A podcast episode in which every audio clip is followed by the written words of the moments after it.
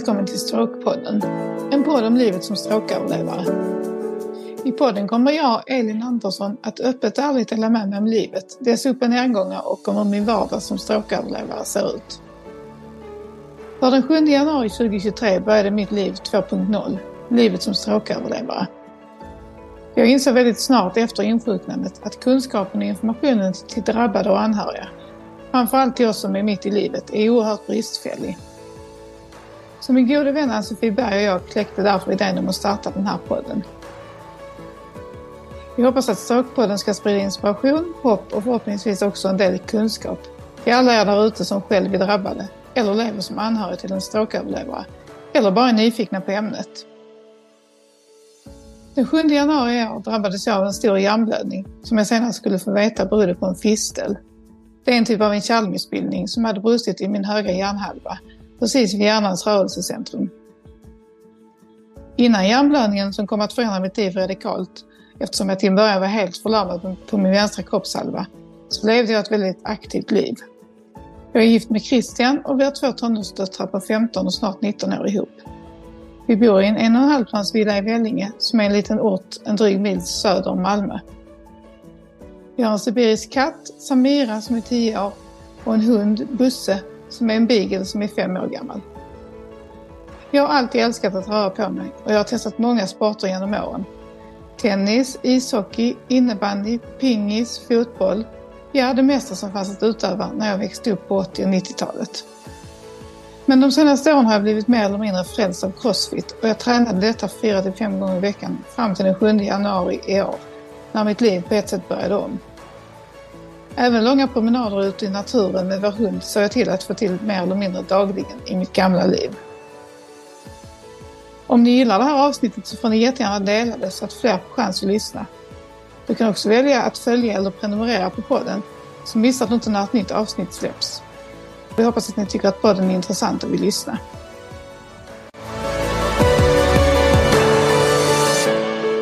Hej, då var det dags för avsnitt 6. Ja, idag ska vi prata om ovissheten kring din hjärnblödning. Varför du fick den, om det går att se varför du fick den och även om det går att göra någonting att förhindra eventuella nya hjärnblödningar. Vi avslutade ju förra avsnittet med att du precis hade fått besked om dina senaste röntgenbilder och det visade sig att den senaste operationen hade inte lyckats fullt ut. Det fanns fortfarande kärlmissbildningar kvar och du skulle ju få ytterligare besked om en eventuell operation. Och denna veckan så kom ju läkaren då äntligen tillbaka till dig och du fick ett besked. Kan du berätta lite om hur den här veckan har varit och hur allting kändes när han berättade vad som skulle ske? Ja, absolut. Jo, det har varit en ganska tung vecka, måste jag erkänna. Jag brukar försöka vara positiv och, och liksom tänka framåt, men ja, som du sa i tisdags så ringde min neurolog upp mig och berättade då, eller jag visste ju redan att jag hade kvar en, en del av kärlmissbildningen, för det berättade de redan när jag gjorde undersökningen för två veckor sedan. Men han återkom då och sa att jag skulle få göra den här eh, nya operationen som då blir en öppen kirurgi, där de går in eh, via huvudet och tar bort, som jag förstod det, den här eh, fisteln som fortfarande finns kvar i kärlmissbildningen. Så att det var ju, i och för sig så var det väl inte helt, jag, jag, hade väl befarat att det var det beskedet jag skulle få, även om jag hade kanske hoppats på att de skulle göra ett nytt försök via ljumsken igen. Men samtidigt som, som han sa till mig så är detta det säkraste sättet för mig. Då kan de få bort den helt och hållet så jag slipper eh, liksom göra om den tredje gång i värsta fall. Så att eh, när han gav beskedet så kändes det ju tungt såklart och sen så började han ju som läkare ha en skyldighet att göra, rabbla upp riskerna med den här operationen. Och det var ju tungt att höra.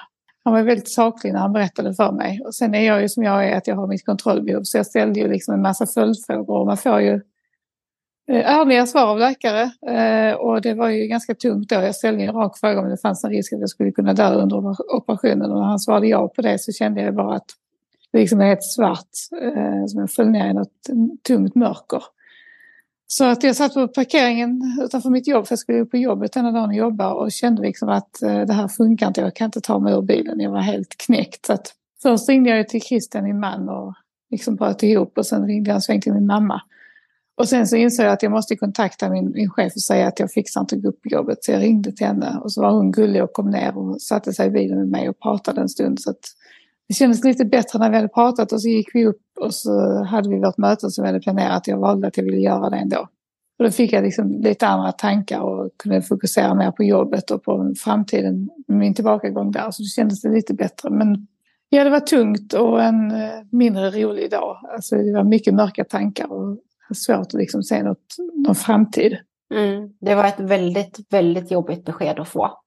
Och även om vi alla vill att det ska åtgärdas på rätt sätt så hade man ju inte hoppats på en öppen operation. Utan det kanske hade varit enklare med den andra operationen när det inte hade varit så många risker som det här kanske innebär. Och det känns ju också som det blev flera steg tillbaka i din rehab som du har kommit så långt i. Men om man nu ska se det positivt så är det ju fantastiskt bra att de kan åtgärda det. Och att de vill göra det för att säkerställa att du inte ska få några nya hjärnblödningar. Och eh, känner jag dig rätt så kommer du nog komma igång med din rehab snabbare än de flesta. Eller? Jo, det får vi väl hoppas. Det är min förhoppning i alla fall. Han sa ju till mig att jag får räkna med en sex veckor som jag kommer att vara extra trött efter ingreppet om allt går som det ska. Men eh, jag känner ju bara att jag ska försöka komma tillbaka så fort som möjligt. Det som är tråkigt nu är att jag har ju fått restriktioner att jag inte får utföra några pulshöjande aktiviteter eller några anstränga huvudet liksom alls innan operationen. Så jag känner att jag är väldigt begränsad just nu och inte kan träna så som jag vill. Så när jag väl får bekräftat att det här har gått bra och så kan börja så kommer jag köra på för fullt. Har du gjort någon speciell plan för eh, rehab efter operationen? Är det något speciellt du kommer behöva fokusera på då? Alltså jag tänker ju själv att jag vill försöka få upp min kondition igen för att det tyckte jag var det är alltid tungt när man har varit sjuk, så har det varit innan också. Har man varit borta från träningen en vecka eller två så känner man ju direkt att konditionen är nere på botten igen. Så det känner jag att det vill jag fokusera på för att jag mår bra när jag liksom får, får få upp pulsen och konditionsträna. Och sen även såklart fortsätta med rehabträning. Med, det är inte så mycket styrketräning utan mer funktionsträning. Så det kommer jag ju, och det kan jag ju faktiskt göra nu också. Det har jag fokuserat på nu i veckan. Att, hur tycker jag om mina promenader, fokusera på gångteknik, eh, stretcha arm och hand och så. Så det är ju sånt som jag faktiskt kan göra även om jag inte får lov att göra något pulshöjande. Så det kommer jag fortsätta med efter också. Sen hoppas jag kunna mm. få åka iväg på den här intensivrehabresan till Spanien som jag egentligen skulle åka på nu till helgen men som jag då fick ställa in. Ja, men jag tycker detta låter som ändå en bra plan. Att du fokuserar på det du kan just nu. Och efter, det, efter operationen så får vi ju se hur snabbt du kan komma tillbaka. Det kanske går snabbare än de där sex veckorna. Vem vet? Ja, vi får hoppas på det. Men eh, ska vi inte dra igång dagens avsnitt nu då? Där vi ska prata om hur jag egentligen är där jag är idag. Med ytterligare en operation på gång. Ja, men det tycker jag. Det, det konstaterades ju ganska omgående från att du gjorde din första röntgen att det var en hjärnblödning. Kan du berätta lite om den här tiden från den här första röntgen? Vad läkarna sa då och eh, fanns det någon plan för själva hjärnblödningen då? som, som du sa så fick jag ju besked redan då när jag kom in akut den 7 januari. De gjorde den första CT-röntgen i Trelleborg att det var en hjärnblödning. Så det konstaterades ju direkt och sen så låg jag under observation på neurointensiven i en vecka för att de ville ju se så att blödningen stannade upp av sig själv. Annars så alltså fanns det ju, alltså var det ju risken så att jag skulle få göra en operation redan då. Men redan efter tre, fyra dagar på neurointensiven så gjorde man en ny CT-röntgen eh, och då kunde man konstatera att blödningen hade stannat av sig själv. Så då, det var ju det första som gjordes. Och sen när jag hade varit i Trelleborg ungefär två veckor tror jag. Så ville min neurolog där, eftersom jag var i princip sängliggandes hela den tiden och inte var uppe och kunde röra mig, så ville han gärna sätta in blodförtunnande för att jag skulle minska risken för proppar. Men det vågade han inte göra utan att veta att blödningen verkligen hade stannat och att det såg ut som att det var på väg tillbaka. Så då gjordes det en ny CT-röntgen där i Trelleborg. Eh, där man då kunde se att, att den hade, var riktigt avstannad och så. Och då vågade han sätta in de här blodförtunnade sprutorna på mig som jag hade första tiden när jag var som mest stillaliggandes. Och sen blev jag då, eh, under tiden som jag var på Orup de här sex veckorna, så fick jag en kallelse till en eh, ny CT-röntgen i Lund. Och det var då, fick jag reda på av min neurolog i Lund, för att försöka hitta en anledning till varför jag hade fått hjärnblödningen. Så jag minns att jag fick åka till, till Lund tillsammans med Christian och då satt jag fortfarande i rullstol och jag var jättenervös för den här CT-röntgen för de jag hade gjort tidigare då var jag i så pass eh, dåligt skick så jag minns inte så mycket av dem. Och en CT-röntgen då, vad är det egentligen? Hur går en CT-röntgen till?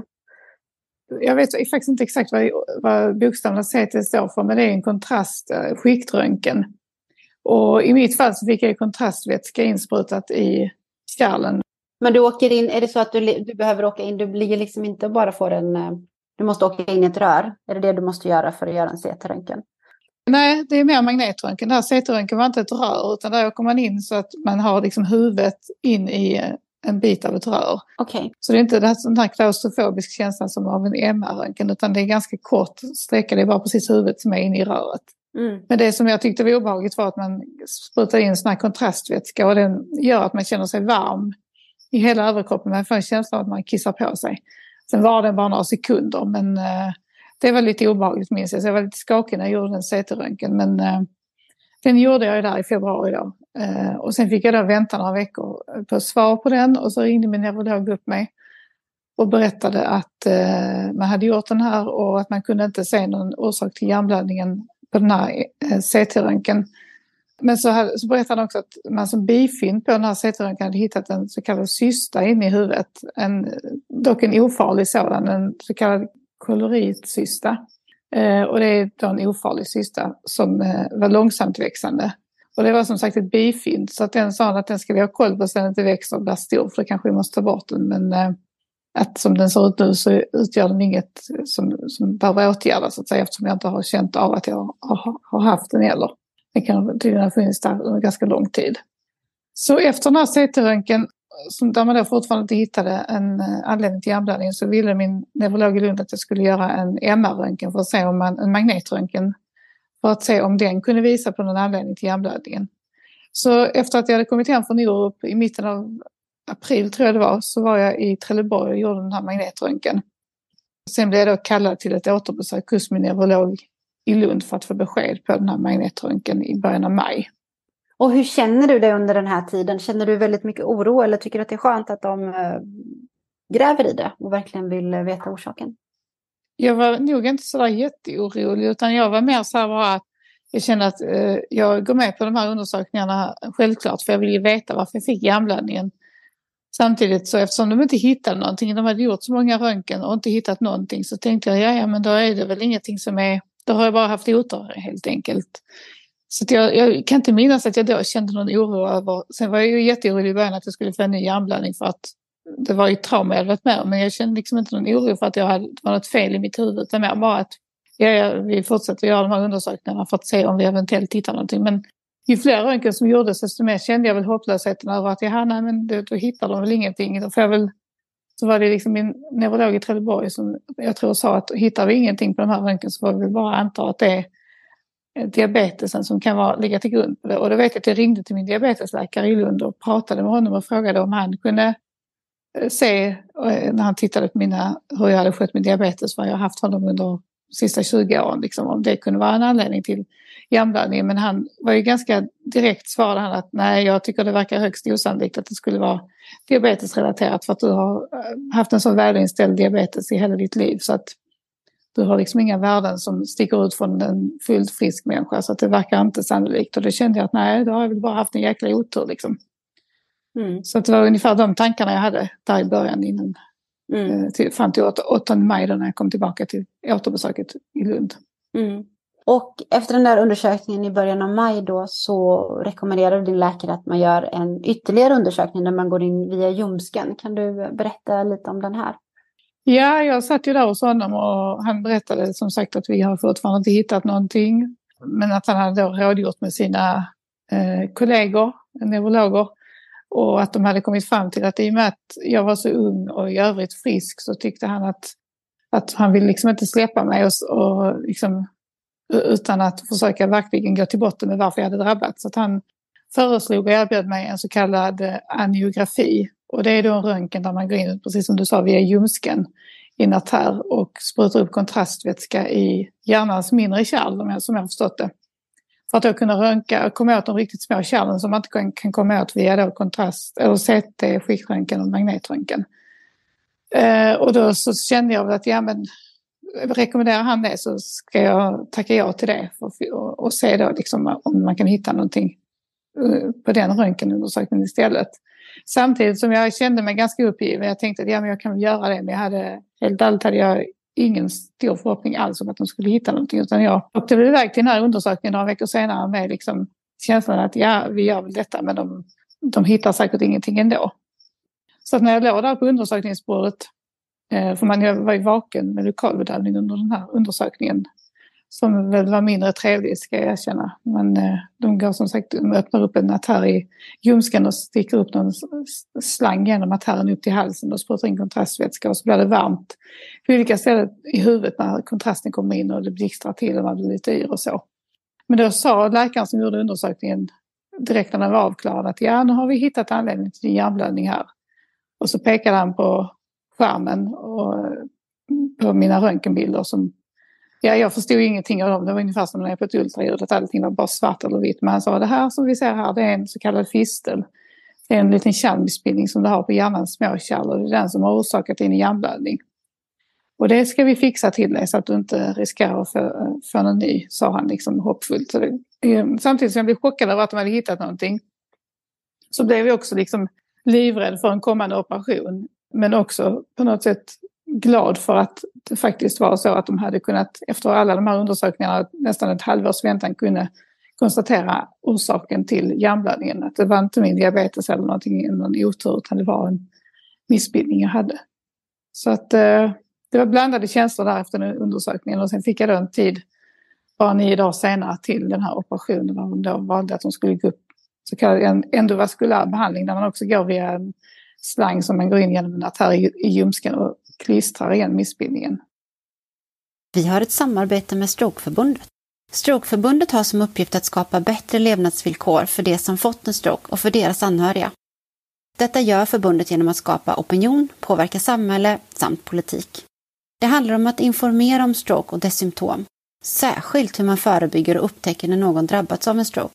Det är mycket viktigt att få en diagnos tidigt så att behandling kan sättas in så snart som möjligt. Förutom att Strokeförbundet är en medlemsförening för dig som är strokeöverlevare eller anhörig så samlar de inom ramen för Strokefonden in gåvor som bland annat stödjer Strokefondens forskning om stroke och dess konsekvenser med drygt 4 miljoner årligen. Vill du vara med och bidra? Gå in på strokeförbundet.se. Där kan du skänka en gåva och själv bli medlem. Vi har ett samarbete med Optima Rehab. Behöver du rehabilitering? Optima Rehab erbjuder intensiv rehabilitering i Spanien. I tre veckors tid, fem dagar i veckan, sex timmar per dag tränar du med specialister inom rehabilitering. Du tränar med fysioterapeuter, arbetsterapeuter och neuropsykologer. Har du problem med talet så får du träna med en logoped. Du kan få ersättning för rehabiliteringen via Försäkringskassan. Optima Rehab hjälper dig att ansöka. Ring 08 663 3349 eller mejla till info optimarehab.se. Kan du inte resa men behöver träning? Då rekommenderar vi Optima Online. På Optima Online hittar du träningsfilmer, alla anpassade för personer med funktionsnedsättningar. Gå in på www.optimaonline.se. Så då fick du en tid för den här operationen och den var väl precis i eh, juni där va? Ja, precis. Och hur, hur gick den? Jo, men den gick bra. Jag fick som sagt en tid ganska, väldigt fort, vilket jag är tacksam för. För jag hade ju, den kom ju eh, ganska olägligt rent eh, praktiskt för mig. För det var bara, jag fick beskedet om att jag behövde göra den bara en knapp, eller dryg vecka, två veckor kanske innan min dotter skulle ta, äldsta dotter skulle ta studenten. Och sen hade vi en semester inbokad där veckan efter hon hade tagit studenten. Så att jag kände att, och min läkare sa det också, att jag fick liksom inte lov att ut och resa eller flyga eller någonting innan det här var gjort. Men eh, tack och lov så lyckades de fixa en tid till mig bara, jag tror det var nio dagar efter att jag fick operationsbeskedet. Så det var jag ju supertacksam för. Så att jag, jag kom in där på fredagen den 9 juni. Min dotter skulle ta studenten på tisdagen den 13. Och jag var supernervös. Jag har aldrig blivit sövd innan, aldrig blivit opererad. Så att, och med mitt kontrollbehov och så, så är det ingen bra kombo. Så jag var verkligen livrädd. Alltså, även om de berättade för mig att det här var en rutinoperation och de har gjort den sedan 99 och riskerna, ja de fanns där som det finns med alla operationer, men att de inte var så stora så kunde jag liksom inte... Jag hade jättesvårt att uh, känna något lugn inför det så att jag var helt uh, som ett nervvrak på operationsdagen och veckan innan då sen jag fick beskedet. Men eh, jag fick ju liksom, ja, över där på operationsbordet och så blev jag sövd och sen så vaknade jag upp Eh, blev sövd vid 8-9 tror jag, blev väckt vid lunchtid och fick då besked direkt om att allt hade gått bra. Och operationen, nu i efterhand så var det ju inte så, så farligt men just när man aldrig har varit sövd innan och inte vet hur en operation funkar på, på det sättet så var det jättenervöst. Mm. Var det några speciella frågor som du ställde till din narkosläkare där när du låg på låg och väntade på. Får man kanske inte skratta åt sånt här, men den var lite, det är ju lite roligt ändå. Ja, jag förstår hur du vill komma Fina. Varför du ställer den här frågan till mig. Jag får väl erkänna mina, ja, jag vet inte vad jag ska säga. Jag skäms ju så här i efterhand. Men... Nej, det ska du inte göra. Man ska inte skämmas. Man ska inte skämmas. I den situationen är man ju jätteorolig och rädd för allting. Men just den här frågan var ju väldigt och det måste ju vara att man är så himla påverkad av media och allting också som gör att man har de här tankarna. För du frågade faktiskt om vad gör ni om ryssen kommer? Ja, bland annat. Jag ställde tusen frågor men jag vet när jag låg där på operationsbordet och jag trodde att jag hade ställt alla mina frågor så dök det upp i huvudet på mig. Dels var jag tvungen att fråga vad händer om det blir strömavbrott och det sa de ju att ja, men det har vi rutiner för.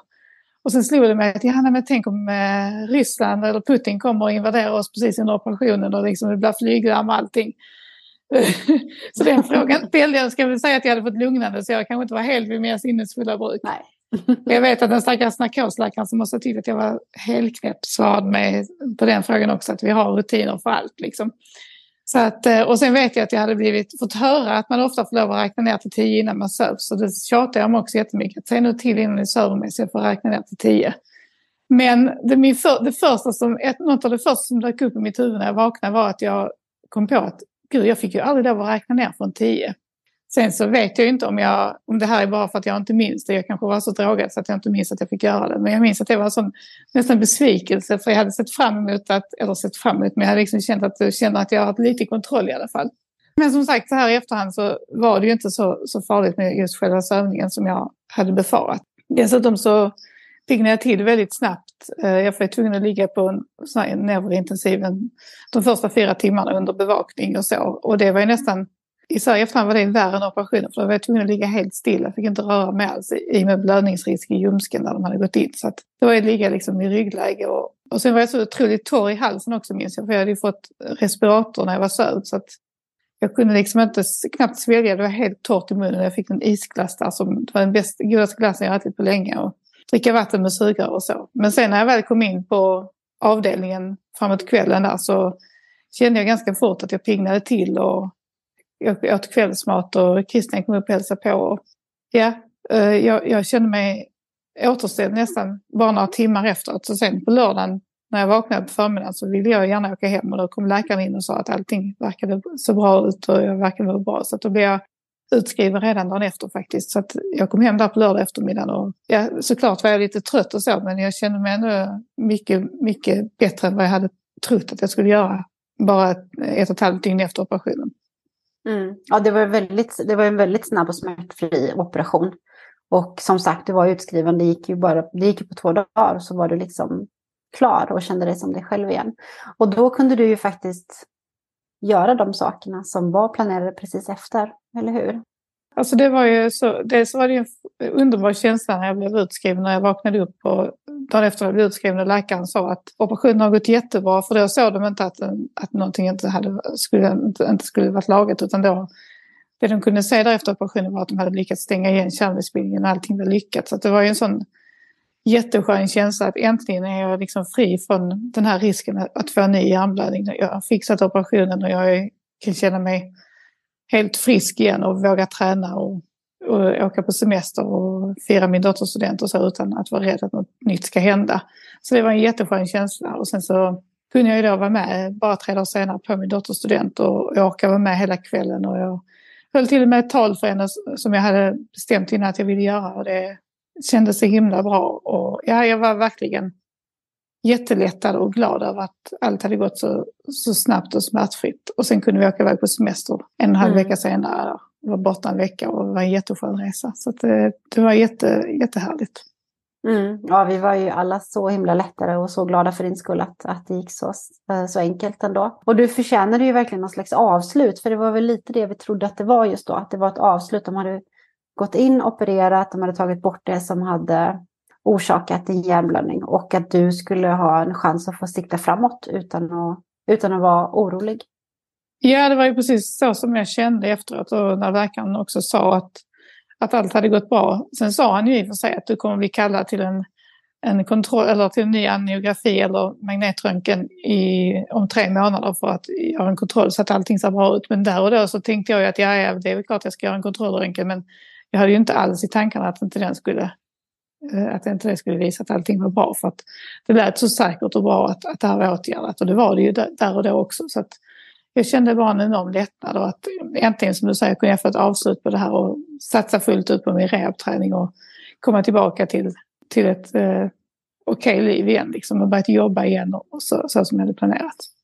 Mm. Och sen fick du kallelsen till den här eh, återbesöket eh, efter kontrollen. Vad, eh, hur gick tankarna när du fick den då? Nej men som sagt, jag var inte speciellt orolig. Jag hade gjort en angiografi innan den här undersökningen, eller röntgen via ljumsken. Så att själva det ingreppet, det är klart jag är alltid lite nervös inför sådana här saker. Men jag kände ändå att jag har gjort det innan och det var inte så farligt. Så att, och den här rädslan för att det, skulle visa någonting annat än att allting var bra hade jag inte alls. Utan jag vet att jag sa någon gång till min man, bara, Gud, tänk om de nu ser att allting inte är okej, vad, vad gör vi då liksom? Men han är ju som jag har sagt innan, oerhört positiv. Sen försökte ju lugna mig och säga, nej, men varför skulle inte den visa att allting är bra? Tänk inte på det, det, kommer, det är ingen fara. Liksom. Och då slog jag ifrån med de tankarna också och tänkte att nej, men självklart så ska det här gå bra. Liksom. Och, ja, så jag åkte in där till, var såklart nervös på undersökningsdagen för att jag visste vad jag skulle genomgå, att det inte är någon jättehärlig upplevelse så. Men tänkte samtidigt att gärna, men ikväll är jag hemma igen och då, då är detta avklarat och då kan jag liksom bocka av det och fortsätta min, min återgång och min rehabträning. Så att jag var inte speciellt orolig inför, inför själva Nej. undersökningen. Och, och, även när du gjorde den här så fick du ju också svar ganska omgående. Och eh, vad var det för besked som du fick då?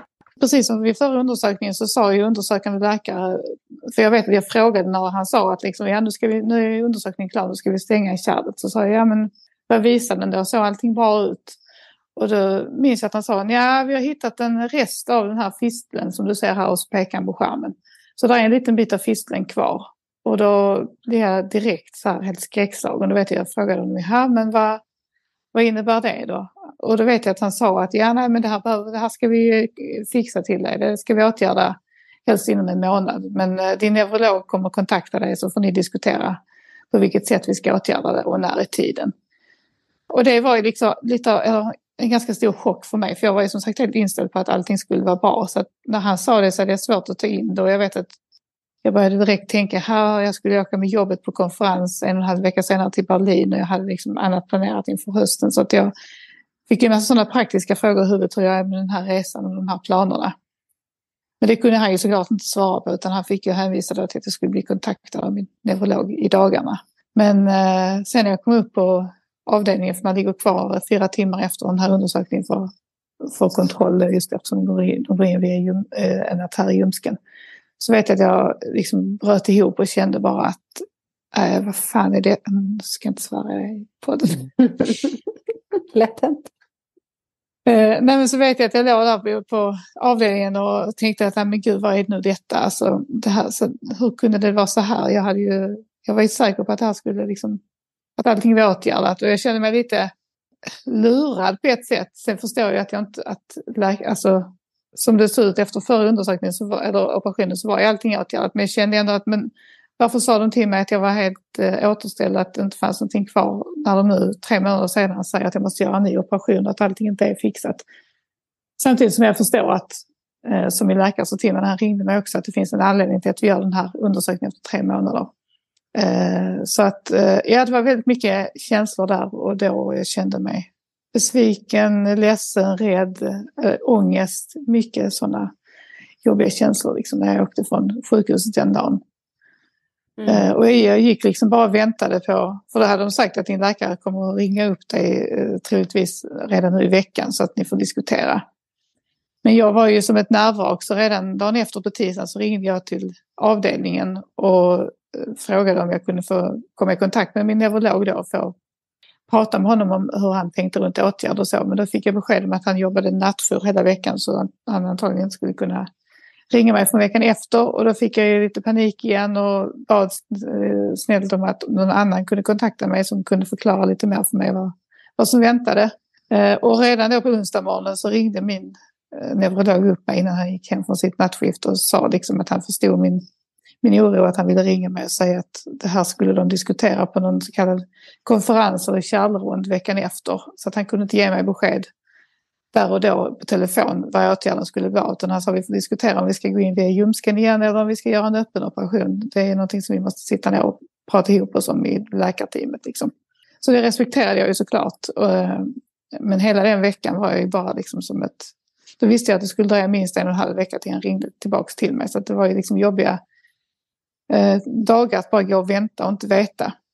Men sen då som sagt så ringde han mig nu i tisdags och gav det beskedet att de hade kommit fram till att det bästa och säkraste sättet för mig var att, att göra det via öppen kirurgi för att då kunde de vara säkra på att de kunde få bort, eller ganska säkra på att de kunde få bort den här delen av fisteln som var kvar.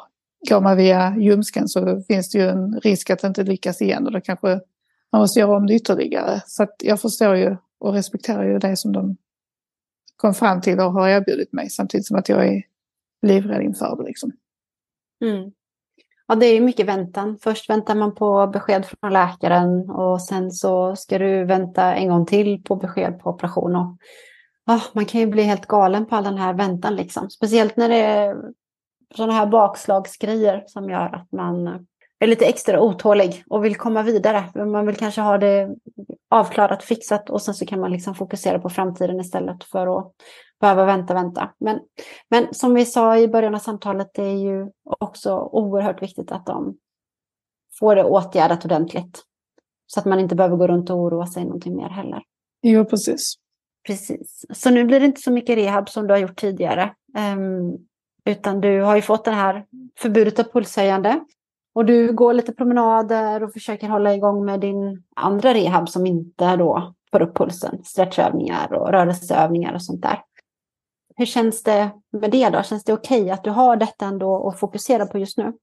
Jo, men jag har ju, alltså, i början så var det jättejobbigt eh, och det är det ju fortfarande. Men samtidigt har jag ju kommit till någon typ av acceptans att det är så här som det är nu. Så jag måste ju bara förhålla mig till det. Liksom. Det finns inte, inte lönt att älta och vara irriterad och arg och gå runt och tycka synd om mig själv. Utan det är bara att acceptera att läget är sånt nu och det här är liksom inte för alltid. Utan när jag väl har fått gjort operationen så kan jag ta, ta upp träningen igen och, och träna på det sättet som jag älskar, alltså pulshöjande och med ja, den typen av träning.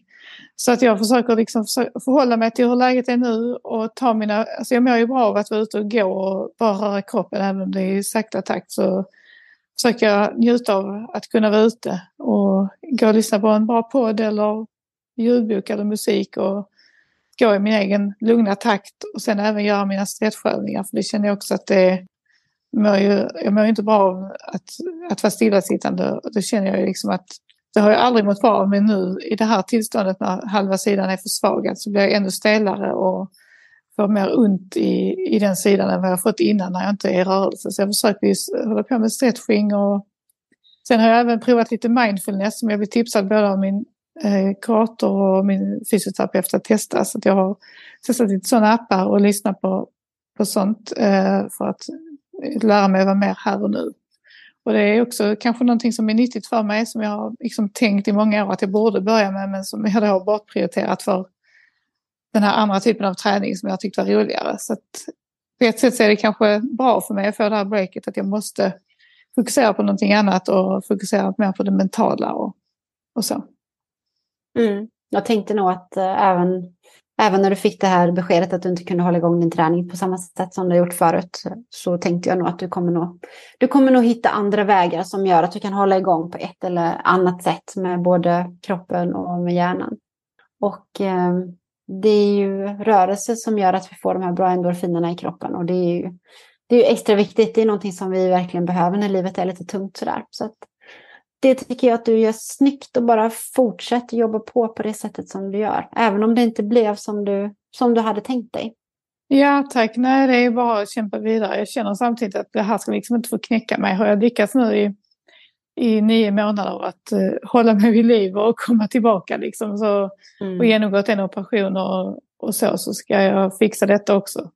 Samtidigt som de mörka tankarna kommer emellan, att jag försöker som sagt att slå bort dem och tänka att uh, det här ska jag klara av. Och så försöka tänka framåt och se ljuspunkter som, som jag har framför mig när det här är avklarat. Mm. Absolut, det gör du helt rätt i. Det gäller att fortsätta kämpa även om man, inte, även om man får bakslag. Nu har vi valt att klippa in en liten bit här i detta avsnittet för vi vill ju gärna berätta om hur det gick för Elin och hennes operation här. Så Elin, hur, hur gick allting egentligen? Jo, men det gick ju faktiskt jättebra, precis som alla hade sagt till mig att det skulle göra, men som jag hade svårt att, att tro och hoppas på. Så att eh, allting gick som planerat och fisteln blev eh, borttagen. Och ja, jag vaknade ju upp där, det tog en fyra, fyra och en halv timme hela operationen. Så det första minnet jag har det är att någon i personalen sa att Elin, nu, nu är det klart så att nu är det dags att vakna. Och då har jag minne redan från den första tiden där i uppvaket att de sa att de skulle ta bort den här slangen, respiratorslangen som jag hade haft under operationen. Och så det, känns, det minns jag bara som en sån lite kittlande känsla i halsen och sen så minns jag att de rullade ut mig. Vi åkte in i en hiss och upp till eh, NIVA, då, neurointensiva, där jag skulle ligga första dygnet. Så jag minns liksom allting från, från att de sa att det var över. Så jag kom in här på NIVA och där kom eh, personal fram till mig, sjuksköterskor undersköterskor, jättegulliga, tog hand om mig, pratade med mig, fick en isglass att äta och lite vatten att dricka med sugrör och så. Och sen eh, kände jag ganska direkt att jag hade en extrem huvudvärk och det hade de ju sagt till mig innan att jag nog skulle ha. Så det var ju inget jag blev så här rädd för även om det jag är förskonad eh, mot att jag inte har haft så mycket huvudvärk i mitt liv. Så att när jag har lite huvudvärk så tycker jag att det är jättejobbigt. Och den här huvudvärken var verkligen som en tänker sig en riktig bakfylla. Man vaknar upp på morgonen och så har, inser man att man drack alldeles för mycket dagen innan. Ungefär den känslan, det blixtrade och ja, verkligen lite illamående känsla också. Så det var ju inte alls trevligt. Men samtidigt så sa jag att det var helt normalt att känna så. Sen kände jag också att jag var öm när jag fick en sån här turbangrej som alltså lindade in hela huvudet med för att eh, så att det inte skulle gå upp liksom. Så att det, den spände också mot huvudet och bidrog nog också en del till huvudvärken. Och jag kände att det ömmade i såret när jag lutade mig mycket bakåt så tryckte det liksom på där de hade gått in.